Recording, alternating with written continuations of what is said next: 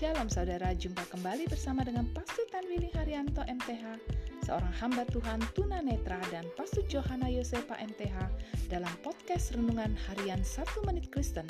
Di dalam podcast ini, kami membagikan kebenaran dari Alkitab yang dimulai dari kitab kejadian sampai kitab Wahyu. Selamat menikmati.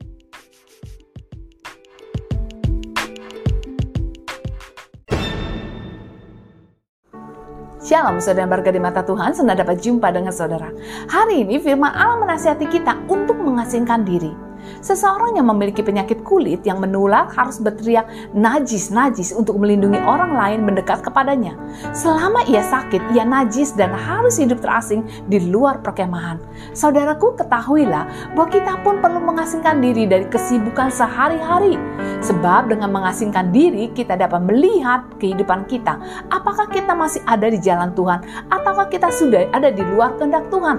Sementara kita mengasingkan diri dari kesibukan, maka kita akan dapat mendengar suara Tuhan berbicara dalam kehidupan kita. Dan sementara kita mengasingkan diri dari kesibukan, maka kita pun dapat menilai apakah kita sudah mencapai rencana yang telah kita buat sebelumnya.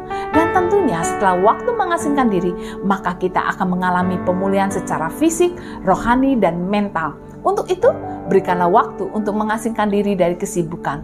Amin.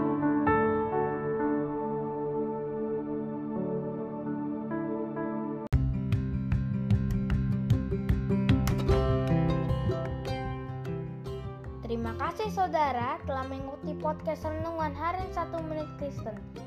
Doa kami, kiranya kebenaran yang saudara terima akan membuat saudara semakin berakar di dalam Tuhan dan bertumbuh dan berbuah lebat di dalam Tuhan. Tuhan Yesus memberkati.